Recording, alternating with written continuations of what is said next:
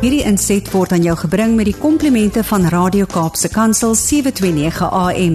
Besoek ons gerus by www.cape pulpit.co.za.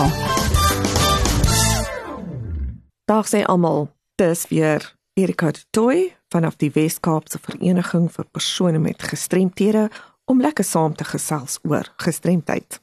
In die hele vroue maand in Augustus en kindermaand in Oktober bring baie verslae van mishandeling van beide vroue en kinders met gestremthede na vore. Maar dit blyk dat hierdie 2 maande deur misdadiges misgebruik word om hernieude aanvalle te loods. In 'n boodskap wat sê ons sal doen wat ons wil aan wie ons wil. Een so 'n geval is die van 'n saak teen die beweerde verkragter van 'n meisie met serebraal gestremdheid wat uitgestel is weens die beskuldigde se versuim om vir die hofverrigtinge op te daag nadat hy op 'n waarskuwing vrygelaat is wat gelei het tot die uitstel van die saak. Die verwikkelinge sloer sedert Augustus 2012 toe die jong meisie, toe 7 jaar oud, na bewering deur 'n mansvriend van 'n familielid verkrag is. Die Nasionale Raad van en vir persone met gestremthede, die NCPD, wat ondersteuning aan die meisie en haar gesin verskaf het, was onder die indruk dat die oortrede hoër afwagting aangehou is, maar het ontdek dat hy met 'n waarskuwing vrygelaat is.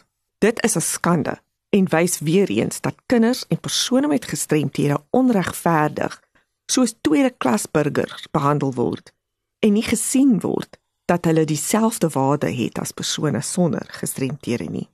Die meisie se ma het in Augustus 2012 'n formele klag van die verkrachtingsvoorval by die Suid-Afrikaanse Polisie Diens ingedien nadat haar dogter haar van die beweerde verkrachting bewus gemaak het. Die meisie is medies ondersoek en die SAPD se eenheid vir gesinsgeweld, kinderbeskerming en seksuele misdrywe het betrokke geraak. Aanvanklik is geen stappe geneem nie omdat die onbillike en diskriminerende aanname gemaak was dat die slagoffer weens haar ernstige serebrale gestremdheid en 'n spraakbeperking nie 'n betroubare of geloofwaardige getuie sou wees nie.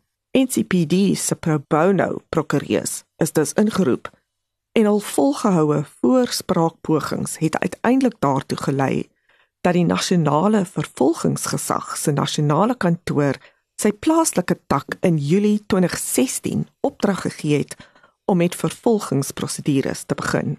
Intussen het die NCPD saam met die Universiteit van Pretoria se sentrum vir aanvullende en alternatiewe kommunikasie gewerk om moontlike alternatiewe maniere vir die slagoffer om getuienis in die hof te gee te assesseer waartoe die hof ingestem het.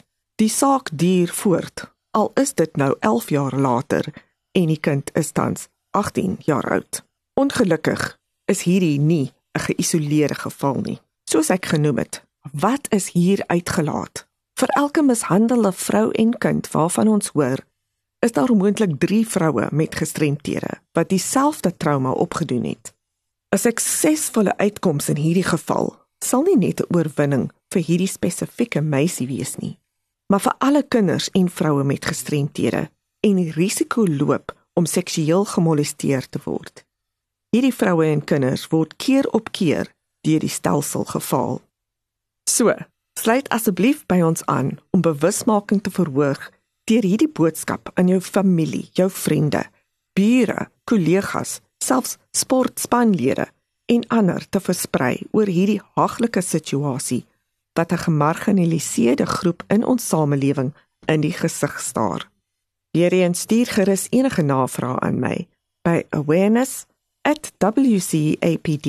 awareness@wcapd.org.za of skakel my by kantoor 021 355 2881.